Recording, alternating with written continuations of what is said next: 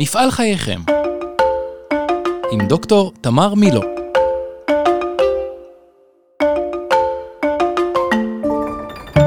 שלום, ברוכים הבאים לפרק נוסף של הפודקאסט מפעל חייכם על עסקים משפחתיים. היום אנחנו רוצים לדבר עם ידיד ותיק שלי, עם עורך הדין אבי אברמוביץ', ממשרד רוזנברג, אברמוביץ', שנלר ושות', על האספקטים המשפטיים שקשורים בעסקים משפחתיים. אבי ואני עובדים יחד כבר הרבה שנים, ולא במקרה. זה קורה כי אנחנו משלימים זה את זו. הוא מתעסק בעניינים המשפטיים, ואני מתרכזת בהסכמות בתוך המשפחה. שנינו יודעים שהסכמות ללא עיגון משפטי לא שורדות. מצד שני, שנינו גם יודעים שהסכמים וחוזים משפטיים בלבד לא יכולים להשכין שלום בית. הם לא יכולים למשל להגן על משפחה מפני יחסים לא טובים, או על עסק מפני בני משפחה ממורמרים. אבל יש לנו ניסיון ארוך שמוכיח שמסמכים משפטיים שמגיעים יחד עם תהליך ארוך עם המשפחה, יכולים לפתור המון בעיות שקשורות במיסוי ורגולציה, וגם למנוע מאבקים כואבים הרבה לפני שהם פורצים. אז בואו נתחיל. שלום אבי, איזה שלום, יופי תמר. שאתה פה, ואני שמחה שאנחנו משוחחים אחרי כל כך הרבה שנים של עבודה משותפת עם משפחות, ואתה מכיר המון משפחות והמון אה, נושאים. אז אני הייתי רוצה לשמוע ממך קצת, מה משפחות שיש להם עסקים משותפים, מה הם צריכים מעורך דין בכלל בנושאים הקשורים להמשכיות הבין-דורית?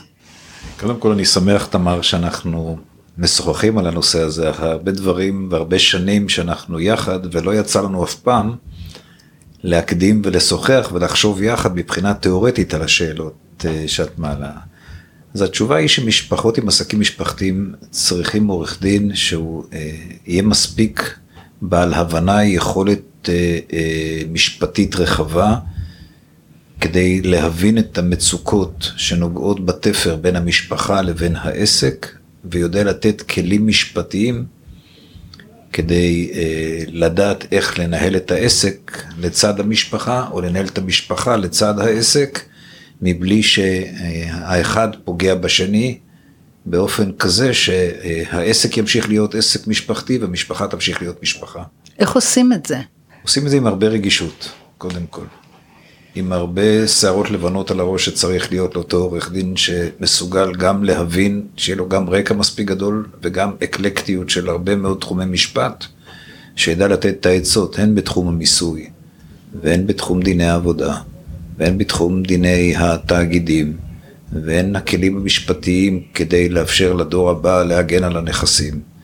והן בתחום הנאמנויות, והן בתחום הצוואות, והן בתחום הירושות ודיני המשפחה, כך שצריך ידע מקיף בהרבה מאוד תחומי עיסוק, על מנת להיות מסוגל לתת, ללוות את המשפחה בהיבטים השונים שלה, לרבות הילדים, הדור הבא, איך מעבירים את הנכסים לדור הבא, איך שומרים על העסק בפני הילדים, איך שומרים על המשפחה בפני העסק.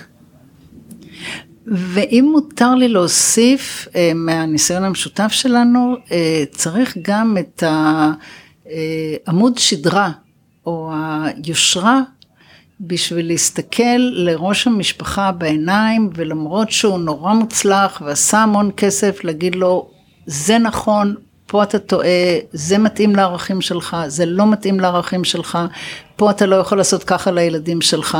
כן, זה נכון מאוד מה שאת אומרת, ולכן הדגשתי שצריך להיות שיהיה מספיק שערות לבנות על הראש, כדי שגם יקשיבו למה שאתה אומר. נכון, כי אני חושבת שאנחנו כולנו, יש לנו קצת נטייה טבעית להתקפל בפני הכוח וההצלחה, שזה לא תמיד מה שהם צריכים. נכון. בדרך כלל האנשים האלה הם אנשים, כל אותם אנשים שהגיעו להישגים כאלו ולחברות משפחתיות בעלות היקף כספי ותכנים מגוונים ועשירים, הם בדרך כלל אנשים מאוד מורכבים, הם לא אנשים פשוטים, אחרת הם לא היו מגיעים לאן שהם הגיעו. ודווקא מול אנשים כאלו צריך לדעת, א', כיצד להתנהל, וב', כיצד אה, לומר להם לא את מה שהם רוצים לשמוע, אלא את מה שנכון, מה שהם צריכים לשמוע. לפחות מה שנכון בראייה המשפטית שלנו כעורכי דין עבור העסק המשפחתי והמשפחה, שלא תמיד זה הולך בד בבד עם מה שאותו אה, עמוד שדרה משפחתי או בעל הון משפחתי חושב שנכון הוא היה רוצה לשמוע. ההזמנה שלנו לאותן משפחות היא הזמנה מלאכותית, מתוך רצון לשמוע את מה שהם היו רוצים שנשמיע, ופתאום כשהם שומעים דברים אחרים הם מופתעים, והם לא כל כך שמחים פתאום שהזמינו אותנו לתוך הריקוד הזה, אבל אה, אה, לאורך זמן זה משתלם, ואני חושב שהיושרה המקצועית תהיה מפתח בעניין הזה. אז בוא תגיד לי, אה, איזה סוג של מסמכים משפטיים או סוג של אה, מוצרים משפטיים באמת יכולים לעזור למשפחה להשיג את מה שאתה אמרת, לשמור על העסק מפני המשפחה ועל המשפחה מפני העסק וכל הדברים האלה. אנחנו קודם כל מדברים, תמר, על האמנה המשפחתית, שהיא בעצם המטריה הראשונה כדי לייצר את ה-values, את מערכת הערכים, את החזון המשפחתי, את ה... אה, עקרונות שהמשפחה הייתה רוצה אה, אה, לפסוע לאורם, הן בעסק המשפחתי, הן במשפחה, הן בהסתכלות אה, לעתיד, ומהם האמונות שלהם. זה איזשהו מסמך דגל, מסמך כותרת, מסמך מקיף, שאני לא מדבר על ההיבטים המשפטיים שלו וכמה ניתן לאכוף אותו, אבל הוא משמש בעצם כנתיב שבו המשפחה רוצה לצעוד ואיך שהיא רואה גם את העסק המשפחתי, גם את החברה המשפחתית או את העסק המקצועי וגם את המשפחה, ואיך חיים לאור כל אותן אה, אה, עקרונות או חזון שבא לידי ביטוי באותה אמנה, שזה המסמך המרכזי, וממנו מתחילים לגזור מסמכים משפטיים, כמו צוואות, כמו אה, הסכמים בתוך המשפחה בין בעלי מניות, כמו שינוי התקנונים של החברות, שיתאימו לאותם עקרונות שבאו לידי ביטוי בתוך האמנה המשפחתית, כמו הסכמי ממון שיסדירו את מערכת היחסים בדור השני בין בני הזוג, כמו אפשרויות למתנות על תנאי, עם תנאי מפסיק, עם תנאי אחר, שיאפשר לתת מתנות בהתקיים תנאים מסוימים, וכותבים את ההסכמי מתנה האלה כדי שאם התנאים לא מתקיימים, שהמתנה תחזור לבעליהם. כמו נאמנויות, הקמת נאמנויות מסיבות שונות, החל מהרצון להגן על ההון המשפחתי, דרך אה, אה, טיפול בילדים חריגים על מנת להבטיח את העתיד של אותם ילדים אה, מיוחדים, ילדים חריגים, כפתרון לצוואות מורכבות שלא ניתן במסגרת צוואה לייצר אה, פעולות מסוימות, למשל צוואה לא מאפשרת ל... צוות לנכדים, לאנשים שלא היו בעולם בעת פטירתו של המצווה. באמצעות נאמנות אנחנו מתגברים על הבעיה הזאת, או שצבא לא מאפשרת אה, לצוות על אה, יורש אחר יורש יותר מפעם אחת. אפשר יורש אחר יורש, אבל אי אפשר יורש אחר יורש אחר יורש אחר יורש. ובאמצעות אה, נאמנויות אפשר להתגבר על הדבר הזה. נאמנויות גם משמשות תחליף להסכמי ממון הרבה מאוד פעמים, הסכמי ממון יש להם את הרגישויות שלהם, ובני זוג לפעמים מרגישים לא נוח, וההורים לא רוצים תמיד לכפות על בני הזוג לעשות הסכמי ממון, באמצעות נאמנויות אפשר להתגבר על הצורך הזה, על הבעייתיות שקיימת. למ, למה זה מתגבר? בוא תסביר כי, לי. כי בתוך נאמנות אנחנו לא זקוקים לשיתוף הפעולה של הצדדים להסכם הממון. בנאמנות אנחנו מעבירים את הנכס לידי נאמן, והנהנה הוא אותו בן משפחה שאנחנו רוצים אחר כך שהוא ייהנה מפירות הנכס או מפירות הכסף. מהרגע שהכסף אצל נאמן, הוא לא של הילד, ואם הוא לא של הילד, בת הזוג של הילד לא יכולה לדרוש חלק ממנו. ואם היא לא יכולה לדרוש חלק ממנו, אז אין מתח ביחס למוצר הזה, כי הוא לא חלק מתוך המשפחה, הנכס הוא לא חלק במשפחה. אז בוא, בוא, בוא נדבר רגע על העניין הזה של הסכמי ממון, שהוא נושא כל כך רגיש במשפחות וכל כך uh, כאוב לפעמים. Uh, אז אתה אומר, אחד הפתרונות הוא בעצם ל, ל, לייתר את הסכם הממון דרך נאמנות. נכון, אבל, אבל אני רוצה רגע לומר רגע ש... יש הסכמי ממון זה מאוד תלוי באיזה שלב עושים אותם בחיים. אוקיי, okay, בוא נדבר על זה. כי יש הבדל בין הסכם ממון שעושים אותו לפני הנישואים, כשהפערים מאוד גדולים, זה המקום לעשות הסכם ממון, אם זה לא נישואים ראשונים, או כשהפערים מאוד מאוד גדולים בין בני הזוג. ואז... אה, אה, פערים אתה מתכוון ביכולת כלכליים, כלכלית. כן, כן, פערים כלכליים בין בני הזוג.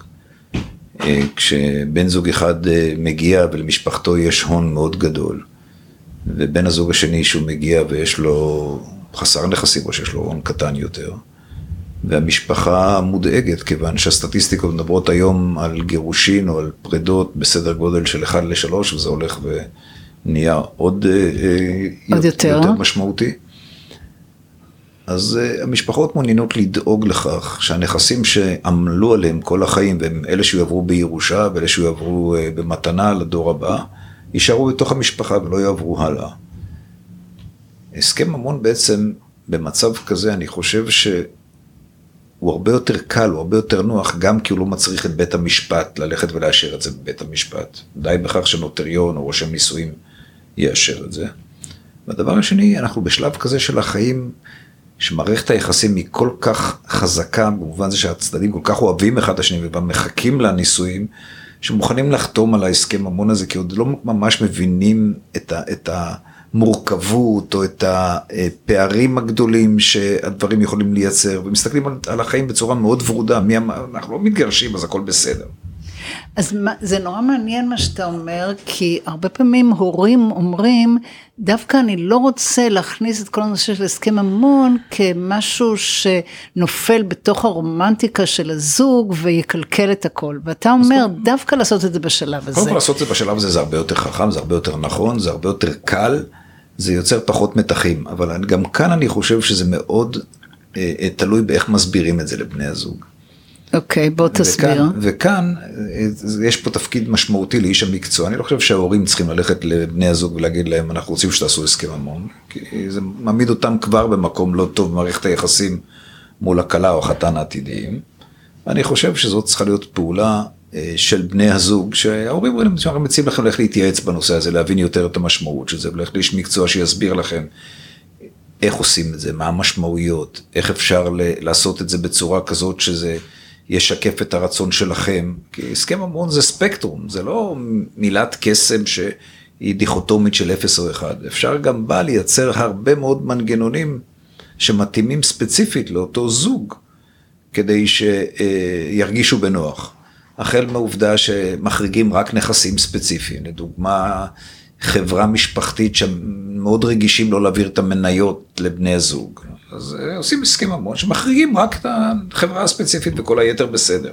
או שרוצים להחריג דירה ספציפית שההורים עמלו וקנו בכספם לילד וחרדים, מה יקרה אם חלילה וחס אה, אה, הם יתגרשו. אז אפשר לייצר מנגנונים שונים בתוך הסכם הממון, שמשתנים גם עם השנים. אני חושב שהמצב הוא שונה בין זוג שהם אה, בתחילת דרכם, לבין זוג שהם אחרי 20 שנה, או אחרי 30 שנה נשואים, או אחרי 10 שנים נשואים. זה שונה ממצב למצב, אבל אנחנו באמת באמת חשוב להתאים את ההסכם לזוג, ולא את הזוג להסכם. שזה הרבה מאוד פעמים טעויות שעושים עורכי דין שלא מתמצאים בנושא. נושא ממון, נושא, נושא הסכם הוא נושא מאוד מורכב, נושא שמשתנה, נושא שיש לו דינמיקה, שבתי המשפט נותנים לו משקל אחר. הסכמים למשל, שלא אושרו בבתי משפט עד לפני מספר שנים, לא הסכימו לתת להם שום תוקף. כלום. היום ישנה נטייה להכיר בהם כהסכם, לא כהסכם ממון, עם כל המשמעויות שיש בכך. אבל הרבה יותר הכרה מאשר היה בעבר. ולכן אפשר למצוא פתרון באופן כזה שבני הזוג לא יצאו למשבר מתוך ההסכם, המון להפך. יצמחו מתוך הסכם המון ויראו בזה יתרון שכל אחד מהם יודע בדיוק מה יקרה חלילה וחס אם וכאשר יגיע המצב של פקיעת הנישואים, ולא אז בוא ניקח עורכי דין כדי להבין מה יקרה. מאוד חשוב, מאוד חשוב. וציינת, חוץ מהסכמי ממון, ציינת עוד כמה אה, סוגים של חוזים משפטיים שמקובלים הרבה פעמים. אה, לא תמיד אנשים יודעים איך, איך לייצר מערכת יחסים משפטית בנכסים לאחר פטירה של אדם. לכאורה חוק הירושה קובע שעסקאות בירושתו של אדם, אם הן לא נעשות באמצעות צוואה, הן פסולות, לא ניתן לעשות אותן. אבל ישנם כלים משפטיים שכן מאפשרים לעשות אה, הסכמים בירושתו של אדם יותר נכון בעזבונו ולא בירושה עצמה, באמצעות הסכמים שונים. אני אתן שתי דוגמאות אה, אה, שאנשים לא כל כך מודעים להם. האחד זה אה, חברות ביטוח. חברת כסף שנמצא בחברת ביטוח או בקופת גמל, או בקרן השתלמות, הוא לא מהווה חלק מהנכסים שמתנהלים ביחס אליהם, אה, הם, שאחרי פטירתו של אדם הם מתנהלים באמצעות צווי ירושה או, צו, או, צווי, או באמצעות ירושה או צבא. הם מוחרגים מנכסי העיזבון, סעיף 147 לחוק הירושה מחריג אותם מתוך נכסי העיזבון, והמדיניות ביחס אליהם נקבעת בהתאם להוראות מוטבים שנקבעים באותם אה, אה, אה, הסכמים. עכשיו, יש, חוק חוזה ביטוח מאפשר לייצר מוטב בלתי חוזר. היום אנחנו יכולים לקבוע שבתוך הסכם בינינו, אם חלילה וחס יקרה משהו, אנחנו שמים כסף בתוך פוליסת ביטוח, באופן שאי אפשר יהיה לשנות את המוטב. שאותו אדם שקבענו כמוטב, הוא ורק הוא יוכל להיות מוטב, ולהבטיח בגירושין, בפקיעת נישואים, במוות, שכסף שהפקדנו בחברת ביטוח ילך אך ורק למי שאנחנו מראש קבענו, ולא באמצעות הצבא. צבא זה משהו שאפשר לשנות בכל יום. כסף בחברת ביטוח עם מוטב בלתי חוזר, אי אפשר לשנות. אז זו דוגמה אחת. מעניין. אני חושב שנתתי לך דוגמה נוספת, ודיברנו עליה פעם, על קליינט ששנינו הכרנו, שסיפר לנו איך הוא רוצה אה, לחלק את רכושו בין שתי משפחות, באופן שמשפחה אחת לא תדע על הרכוש המשפחה השנייה קיבלה כן. לאחר המוות.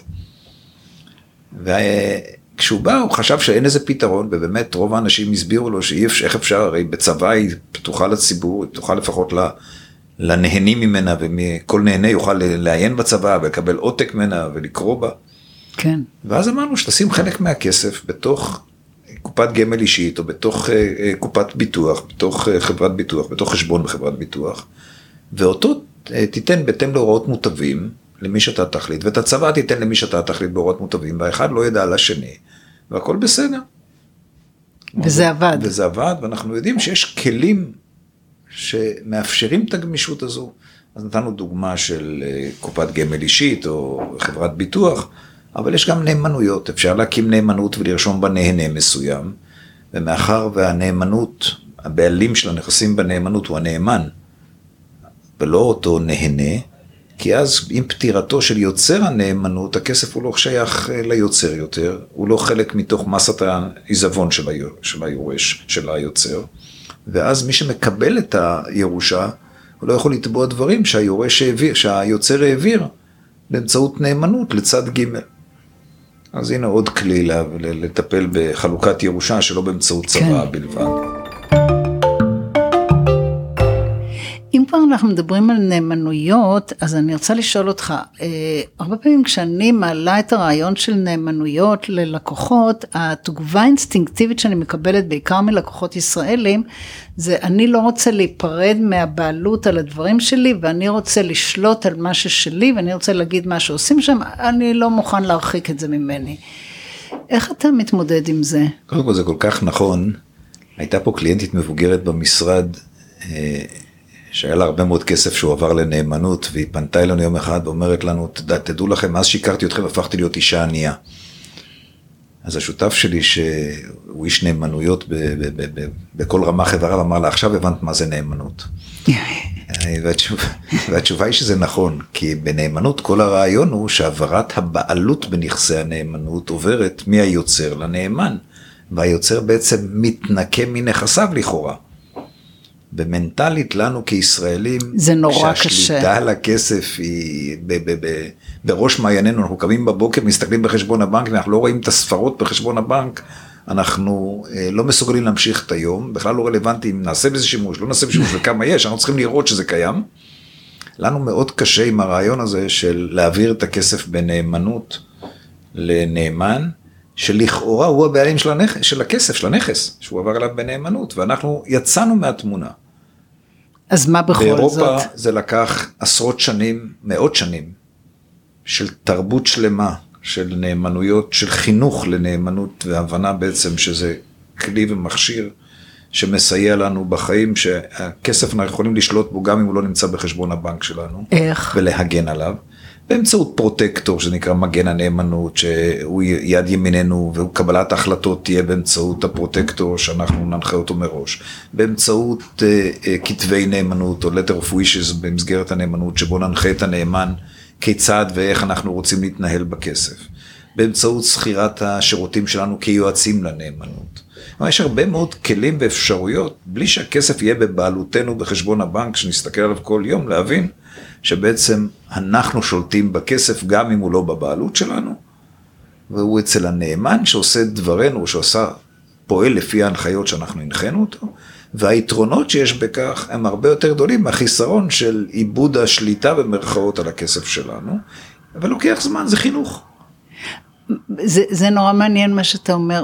אז מה, מה צריך להשתנות ב, במנטליות, בתפיסה, בתרבות שלנו, כדי שנוכל באמת ליהנות מהיתרונות שזה מעניק? קודם כל ההבנה שכסף זה, זה לא אמצעי, זה מטרה, לא מטרה, זה אמצעי. המטרה היא לא שכסף יהיה בחשבון ושנכסים יהיו אצלנו. כי ביום שאנחנו לא נהיה פה, זה כבר לא יהיה שלנו, עם אלה, אנחנו לא יכולים לקחת איתנו שום דבר. ההבנה שבאמצעות הרכוש שצברנו, אנחנו יכולים לעשות פעולות שייטיבו עם כל מי שסובב אותנו, ויש לנאמנויות יתרונות אינסופיים בהרבה הרבה מאוד תחומים, שעולים על אותו חיסרון שבבוקר נוכל להסתכל בחשבון הבנק ולהבין וואלה, הוא בטאבו, ולהבין יופי, הנכס שלי והכסף שלי, אבל אין לי מה לעשות איתו, יושב שם. אני לא, אני יכול ליהנות ממנו ואני יכול לעשות אותו פעולות, אבל אני יכול לעשות הרבה יותר פעולות. להגן עליי, להגן למשל בפני אה, אה, מיסוי. אה, כולם מדברים על מס ירושה ועיזבון, שבכל העולם הנאור שמסביבנו הוא קיים, והוא פחות קיים, או שהוא היה קיים במדינת ישראל עד 1981, והוא בוטל בגלל נושא שהוא איננו רלוונטי. הסיום של החוק הוא לא היה רלוונטי לנושא המיסוי, אלא היה בזמנו קשור לאינפלציה שהייתה בארץ. הייתה אינפלציה מטורפת בשנות נכון. ה-80, ולכן הוא הופסק, אבל לא היה לו שום קשר לנושא של מיסוי הנאמנויות, מיסוי העזבונות והמתנות, שום אה, אה, הליך רגיל ברוב המדינות המפותחות בעולם, בכל אירופה, כי אין מדינה כמעט שזה לא קיים, אנחנו גם מניחים שגם בישראל מתישהו זה יהיה קיים, וכשמעבירים את הנכס אה, לנאמנות, אז הנכס, אז הבן אדם לא נפטר עם הנכסים שלו, והיורשים שלו יכולים ליהנות, והיורשים של היורשים יכולים ליהנות. מבלי שהכסף הוא בבעלותם, ואפשר לעשות בו שימוש נהדר, לרבות לפילנטרופיה, לרבות למטרות חברתיות נוספות, למשפחה המורחבת, לילדים חריגים, להגן על נכסי המשפחה בפני התמוטטות עסקית. הברית למשל, אין כמעט רופא, רופא אה, בכיר, שלא מקים נאמנות לטובת המשפחה, מתוך רצון להימנע מתשלומים המטורפים של פרמיות הביטוח. כי אחרת אם אה, מגישים נגדו תביעה ואין לו ביטוח מאוד מאוד משמעותי שהוא שילם מאות אלפי שקלים בשנה פרמיות או דולרים, וקורה חלילה וחס אירוע ביטוחי שהוא צריך לשלם כספים, הוא יכול להתמוטט כלכלית. אבל אם הכסף הוא עבר לנאמנות, לטובת המשפחה, אז אה, גם אם קרה כזה תקלה, המשפחה לפחות לא ניזוקה, והכסף נמצא בתוך המשפחה, שיכולים ליהנות ממה שהוא צבר. וכנ"ל לילדים חריגים, שאם יש ילד חריג ואת לא רוצה שהאפוטרופוס שימונה לו ישלוט בכסף, אלא את רוצה לקבוע מלכתחילה מה יעשה בכסף, כיצד הוא, יקבל, הוא ייהנה מהכסף עבורו ולא עבור uh, מי שהחליטה המדינה למנות אותו כאפוטרופוס. אז יוצרים נאמנות ושמים כסף בנאמנות, ואז אין שאלה של ירושה ואין שאלה של מה הוא יקבל במסגרת הצבא, אלא קובעים מראש מי יהיו הנאמנים וכיצד ינהגו עבורו בכסף. ואז גם זה לא מדד, אם הוא קיבל כסף אז המדינה לא נותנת לו, אם יש לו כסף אז הוא לא מקבל מהמדינה וכדומה, כי אין לו, זה לא שלו. וזה עוזר גם לנושא של הגנה אה, על, אה, אה, על משפחות מורכבות נקרא לזה, שבהם אה, יש ילדים פחות אה, מוצלחים. היה לנו מקרה, שאני חושב שדיברנו עליו פעם, של ילד שהיה מכור לסמים, וההורים מאוד חששו לצוות נכסים עבורו במסגרת הצבא. שחלילה וחס לא יקבל את הכסף, וילך, ייקח את כל הכסף, ופשוט יקנה בזה סמים, ומהר מאוד כל הירושה תעוקל. כן. ואז העבירו חלק מהכסף לנאמנות, כדי שהחיים שלו, על מנת שבמסגרת החיים המשותפים, שהוא צריך לחיות אותם, יהיה לו מספיק כסף, כדי לקלקל את עצמו, בלי שהכסף ילך לכל אה, אותם מקורות שהם לא רצו שילך, או לבת זוג וכדומה. זה נורא מעניין, אתה יודע, וזה מזכיר לי שאני עבדתי פעם עם מישהי שבנתה נאמנות עבור אה, נכדים שידעה שהם לא מתפקדים ולא עובדים, אבל היא לא רצתה שהנאמנות תייצר אצלם עוד תלות, שהם ישבו בבית ולא יצטרכו ללכת לעבוד כי, כי לא צריך, כי יש קצבה. אז מה שהיא כתבה ב-letter of wishes שלה, זה שמי שעובד, מכפילים לו את הקצבה שלו. זאת אומרת, היא נתנה אינסנטיב חיובי. מאוד יפה. נורא יפה זה היה. יפה, זה רעיון מאוד יפה. זה היתרון בנאמנות שהיא מכשיר כל כך גמיש, שמאפשר לעשות כל כך הרבה דברים, לצקת לתוכו תכנים כל כך מגוונים. למשל, במדינת ישראל אנחנו מכירים את צ'מפיון מוטורס. צ'מפיון מוטורס היא נאמנות, היא לא חברה משפחתית שמתנהלת, היא נאמנות שהוקמה, ובראש החברה יושב נאמן. במקרה הספציפי זה רואה חשבון אה, סוארי, שהוא הנאמן, והוא מנהל את כל החברה הזאת כנאמן עבור נהנים שאין להם מושג בניהול ואין להם מושג בעסקים, אבל לאור מוצלחותו והיכולות האישיות שלו, הם נהנים מעסק מצליח מאוד ומהפירות של העסק. כנהנים בנאמנות. והם יכולים להמשיך את חייהם. הם יכולים להמשיך את חייהם ולקבל את הפירות של הנאמנות וליהנות מהנאמנות. ויותר ויותר עסקים היום במדינת ישראל מחפשים את הנתיב הזה, עסקים משפחתיים. שאנחנו יודעים שלא תמיד יש קשר בין האבות המייסדים והיכולות האישיות שלהם והעסקיות שלהם לבין הילדים שלהם. ובכל זאת רוצים לשמור את העסק שהם אה, אה, בנו בעשרות שנות עבודה ויזע לטובת אותם ילדים, מבלי שהם יהיו מעורבים אישית בניהול העסק. אתה יודע, אחד מהמסמכים המשפטיים שהם פחות מוכרים, אולי בגלל שהם חדשים יחסית, ואני מוצאת את עצמי נותנת למשפחות את הכותרת שלהם, אבל אתה יכול להגיד הרבה יותר עליהם, זה ייפוי כוח מתמשך. אתה יכול להסביר לי מה זה ולמה הוא כל כך חשוב למשפחות, ואיפה הוא נכנס בכל המערכת הזאת? כן, זה, זה, זה אחד הכלים הפחות מוכרים באמת, כי הוא כלי חדש. אה, הוא פחות זכה להסבר בציבור, הציבור פחות מכיר אותו, למרות שבשנים האחרונות, בשנה, שנתיים האחרונות אני מקבל יותר ויותר פניות, אבל גם כן, גם הם, הם לא פניות מלאות ולא הכל מובן בהם. הכלי הזה של ייפוי כוח מתמשך הוא תיקון לחוק הכשרות המשפטית והאפוטרופסות שנכנס, אם אני זוכר נכון, ב-2016 אה, לתוקף, אה, שמהווה בעצם שינוי מאוד משמעותי של תוקפו של ייפוי כוח. עד לתיקון לחוק, ייפוי כוח שאדם היה נותן לאחר, הוא פוקע לפי חוק השליחות, או בפטירתו של אדם, או כשאדם הופך להיות בלתי כשיר. והחיים לימדו אותנו שהמצבים הם לא מצבים דיכוטומיים, הם לא מצבים של אפס או אחד, הם לא מצבים של אדם כשיר או לא כשיר. ישנו תהליך שהוא תהליך אה, אה, שהיום הוא הרבה יותר משמעותי בגלל התפתחות הרפואה שהיא הרבה יותר מפותחת בצדדים הפיזיולוגיים שלה מאשר בצדדים הנפשיים שלה, ויודעים לטפל יותר באנשים בצד הפיזיולוגי, מחלות אה, אה, פחות, אה, פחות מתים ממחלות, ואנשים מאריכים חיים, אבל לא תמיד הם יודעים למה. בצד הנפשי, אנחנו לא מספיק מדביקים את הפער של הצד הפיזיולוגי. שבעצם זה אומר, ממה שאני מבינה, ותקן אותי אם אני טועה, שיכול להיות שהצוואה לא נכנסת לתוקף הרבה מאוד שנים, אבל איש בעצם לא כשיר לקבל החלטות. נכון, אני עוד אומר, הוא לפני שהוא לא כשיר לקבל החלטות. לא כשיר זה כבר שלב שאנחנו יודעים, יודעים לטפל בו. אבל יש שלבים בדרך שהוא מתקשה לקבל החלטות. שהוא כבר מתקשה בחלק מהנושאים לקבל החלטות. הוא עדיין יכול לקבל החלטות אם הוא הולך בבוקר אה, אה, אה, לבקר את נכד א', או שהוא הולך למכולת, או שהוא הולך אה, לטייל. אבל קשה לו לקבל החלטות בהתנהלות בחשבון הבנק שלו למשל. קשה לו לקבל החלטה אה, אם לקנות מניות או למכור מניות, קשה לו לקבל החלטה אם למכור נכס או לקנות נכס, קשה לו לקבל החלטה בתחומים הרפואיים אפילו. אם יעשו לו פרוצדורה מסוימת או לא. לא. ועד היום, לא, עד, סליחה, לא עד היום, אלא עד תיקון החוק, עד, עד שיפוי הכוח המתמשך נכנס לתוקף, לא היה פתרון אמיתי במדינת ישראל, אגב לחלק, להבדיל מחלק ממדינות העולם, ששם היה, יש, לא היה, יש צוואה בחיים, יש מה שנקרא uh, living will. במדינת ישראל אין צוואה בחיים, אדם לא יכול לצוות בחייו מה יעשה ברכושו בחייו. יכול לצוות מה יעשה ברכושו לאחר מותו, שזו צוואה רגילה. ולא היה פתרון אמיתי, חוץ מנאמנות למשל, לא היה פתרון אמיתי שנתן לאנשים את היכולת לקבל החלטה מה יעשה ברכושם בחייהם, כשהם יהפכו להיות פחות כשירים, כשיתקשו לקבל החלטות. ומה הייתה האלטרנטיבה? זה למנות אפוטרופוס, לפי חוק הכשרות המשפטית והאפוטרופסות, בבית משפט, תחת בית משפט, יכול להיות אפוטרופוס לגוף, יכול להיות אפוטרופוס לרכוש, יכול להיות לשניהם. אבל זה אדם חיצוני, שרק למנות אותו זה ויכוח מי הוא יהיה, אבל once, אחרי שהתווכחנו וכבר מינינו, האפוטרופוס יקבל את ההחלטות כמו שהוא חושב שנכון לקבל אותן, ולא כמו שנכון אותו אדם שמינה אותו לקבל. כן.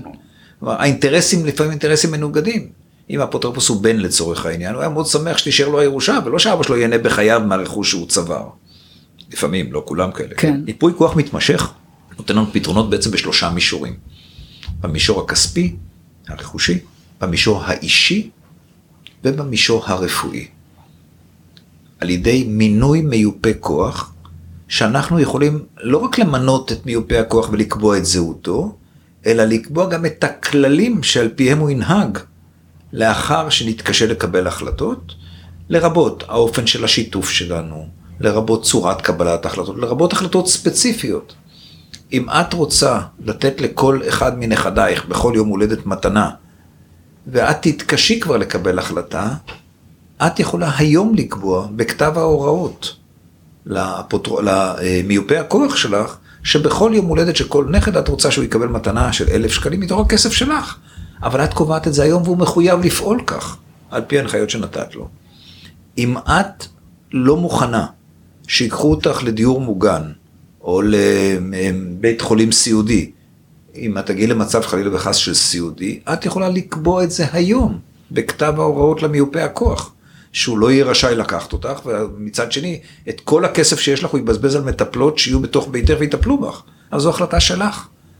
וכשאת יכולה לשלוט בגורל שלך ובתנאים שלך ומה את רוצה שיהיה בשלושת המישורים הללו, במישור הרפואי, במישור הכספי, במישור האישי, אני חושב שזו זכות גדולה של בן אדם, לנצל מכשיר כזה בעיניי הרבה יותר חשוב מצבא. כי אם חלילה וחס לא עשינו צבא, אז החוק קובע כיצד אתה רכוש יחולק. אבל אם לא טיפלנו בייפוי הכוח, שזה הרבה שנים, יכול להיות שאנחנו נחיה ולא נדע מה קורה ברכוש שלנו, ולא נעשה את הפעולות הללו, ואיזשהו אפוטרופוס יחליט עבורנו מה יקרה איתו. בעיניי זה פשוט לא נכון, ואפשר לעשות שימוש בכלי הזה, הוא כלי נהדר. ואני מתארת לעצמי שמשפחות מאוד אסירות, תודה לך שאתה בכלל מביא להם את הדבר הזה. הרבה מאוד פעמים הם באים לעשות פה צבא ויוצאים עם צבא והסכם. עם צבא וייפוי כוח מתמשך, כשזה בעיניי הרבה יותר משמעותי מהצבא. נכון. צריך להנגיש את זה לכמה שיותר אנשים להבין, אגב, זה לא שאלה של גיל. כי אף אחד לא יודע מתי באמת אה, הוא יהפוך להיות עם קושי לקבל החלטות, ואחר כך אי אפשר לעשות את זה. אפשר לעשות את זה רק כל עוד אתה כשיר לקבל החלטה. באמת, אתה, יש לך איזה סטטיסטיקות לגבי המספרים של כמה אנשים עושים צוואה, כמה אנשים עושים הסכם אה, ייפוי כוח אין, מתמשך? אין לי סטטיסטיקות, כי לא, לא בדקתי את, את המספרים. אני יכול לומר לך שאין אדם שמגיע לעשות צבא, שאני מספר לו על ייפוי הכוח המתמשך, והוא לא אומר לי, טוב, תעשה לי גם ייפוי כוח מתמשך. אין אחד כזה, כי בעיניי זה הרבה יותר חשוב מאשר הצבא. אמרת מקודם משפט, ואמרת אותו כאילו הוא מובן מאליו, אבל אני רוצה לשאול אותך, כי לי הוא לא מובן מאליו. אמרת לתת בחיים ולא לתת אחרי החיים. למה? משני, משני טעמים. האחד, כי אנחנו רוצים שיגידו לנו תודה, שאנחנו נותנים. אחרי החיים קצת קשה להגיד לנו תודה. אז לתת ביד חמה, זה הדבר הראשון. הדבר השני, כי כשאנחנו בחיים ואנחנו נותנים, אנחנו עוד יכולים לשלוט במרכאות בנתינה. אנחנו יכולים לכוון נכון את הנתינה, אנחנו יכולים לבצע אותה באופן כזה שהיא היא, היא תחלחל טוב יותר. אנחנו לא נותנים והולכים, אנחנו כאן, אנחנו כאן לעזור, אנחנו כאן לסייע, אנחנו כאן אה, אה, לתת במנות, אנחנו כאן כדי אה, אה, לבנות נכון את הנתינה, אנחנו כאן, אנחנו לא הלכנו לשום מקום. אם חלילה וחס קורה משהו, עדיין עוד אפשר לסגת, עדיין אפשר לבצע פעולות מסוימות. אם אנחנו נותנים אחרי המוות, כל מה שאמרתי לא קיים יותר. הוא אצלם, ועכשיו שהם ישברו את הראש. והם שוברים את הראש. הם שוברים את הראש תרתי משמע. זה מעניין לי גם, כי אני מוצאת את עצמי אומרת למשפחות, תיתנו בחיים, וזה לא אומר, ת, תוותרו על כל מה שיש לכם, אולי אפילו תישארו ברוב, תישארו בשליטה, אבל תיתנו ותבנו את השותפות של שני הדורות ביחד. תמר, אנחנו יודעים את זה, שאנשים לא נולדים להיות שותפים. אנשים לא נולדים להיות, אה, להבין בשותפויות. זה חינוך, זה נכון. לימוד. וזה לימוד לפעמים לא פשוט, שלוקח הרבה, הרבה מאוד זמן. זמן.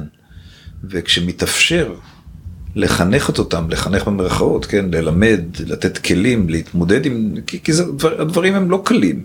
האופאים של האנשים הם מופעים שונים, וההתנהלויות התנהלויות שונות, וצריכים ללמוד, וללמוד זה ללמוד לאורך זמן. וכשלומדים לאורך זמן, בדרך כלל התוצאות הן טובות יותר. העוגה לא נשרפת, היא נאפית. ואת כל זה אתה מלמד את המשפחות, למרות שאני מתארת לעצמי שחלק מהן באות אליך כדי להחתים, שהם יחתמו על איזה מסמך, ישימו אותו במגירה וישכחו. נכון, אז התשובה היא נכון. אה, כשבאים לעורך דין לחתום על, אה, בוא תעשה לנו צבא לפי מה שאנחנו נגיד לך, אז הרבה מאוד פעמים אני עושה את זה, כי זה מה שהם מבקשים, אבל תוך כדי העשייה, ותוך כדי הישיבה, כשמכינים את הצבא, וכשאני מעלה את השאלות ואני שואל את השאלות, וכשאני מעורר מחשבה, הרבה מאוד פעמים הם עושים חושבים, רגע, רגע, רגע, באנו במטרה א', אבל יכול להיות שאנחנו צריכים לחשוב אחרת על הדברים, יכול להיות שאנחנו צריכים להסתכל אחרת על הדברים, יכול להיות שבעצם מה שחשבנו זה לא בעצם מה שאנחנו היינו רוצים, כי אנחנו גורמים נזק מאוד מאוד גדול לדור הבא. והנזק שנגרם לדור הבא הוא לא רק הנזק שאנחנו גורמים, אלא הוא לנזק שנגרם לדור הבא בינם לבין עצמם. בהתנהלות לא נכונה שלנו, אנחנו יכולים לגרום לנזק עצום לילדים עצמם, בינם לבין עצמם. ואני חושב שיש לנו אחריות לנסות כמה שאפשר לפחות להימנע מזה. ואם נעשה את זה בחיים, ונדע לעשות את זה נכון יותר, אנחנו נקל עליהם יותר מאשר על עצמנו לעשות את זה נכון. אני ממש מסכימה איתך, אתה יודע, אני ככה מגיעה לאט לאט למסקנה שאין ריב בין אחים שהוא לא תוצאה של משהו שההורים עשו או לא עשו. נכון, נכון מאוד מה שאתה אומר.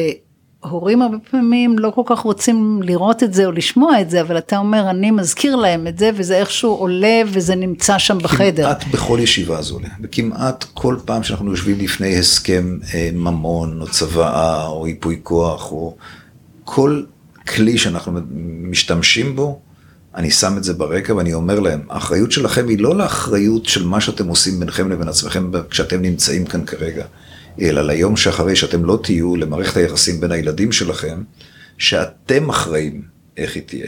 אז אחרי כל כך הרבה שנים של עבודה עם כל כך הרבה משפחות, אה, יש תובנות שלך שאתה אומר, אני, ככה עושים מעבר בין דורי מוצלח, ואולי גם ככה לא עושים אותו?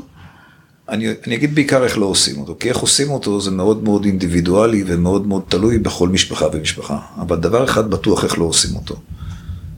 אם לא מטפלים בחיים במעבר הבין-דורי ונותנים למציאות לקבוע כיצד הוא יתקיים, הנזקים יהיו מאוד מאוד גדולים. כלומר, התפיסה שלי אומרת שמשפחות שרוצות, משפחות שחשוב להן, איך העסק יעבור לדור הבא, אסור להם להשאיר את זה ליד המקרה. הם לא יכולים להרשות לעצמם לחכות למועד פטירתם, או לכתוב בצבא מה יקרה, ולהסתפק בכך. הם חייבים לשתף ולחשוב יחד עם הדור השני בחייהם, כשמערכות היחסים נהדרות וכשאפשר לשתף את הילדים ואפשר לשמוע את הפידבק של הילדים, כי מה שהם לא ישמעו עכשיו, הדברים יאמרו אחרי פטירתם, רק הם יהיו בעוצמות הרבה יותר גדולות. ותחת מערכות יחסים הרבה פחות נעימות.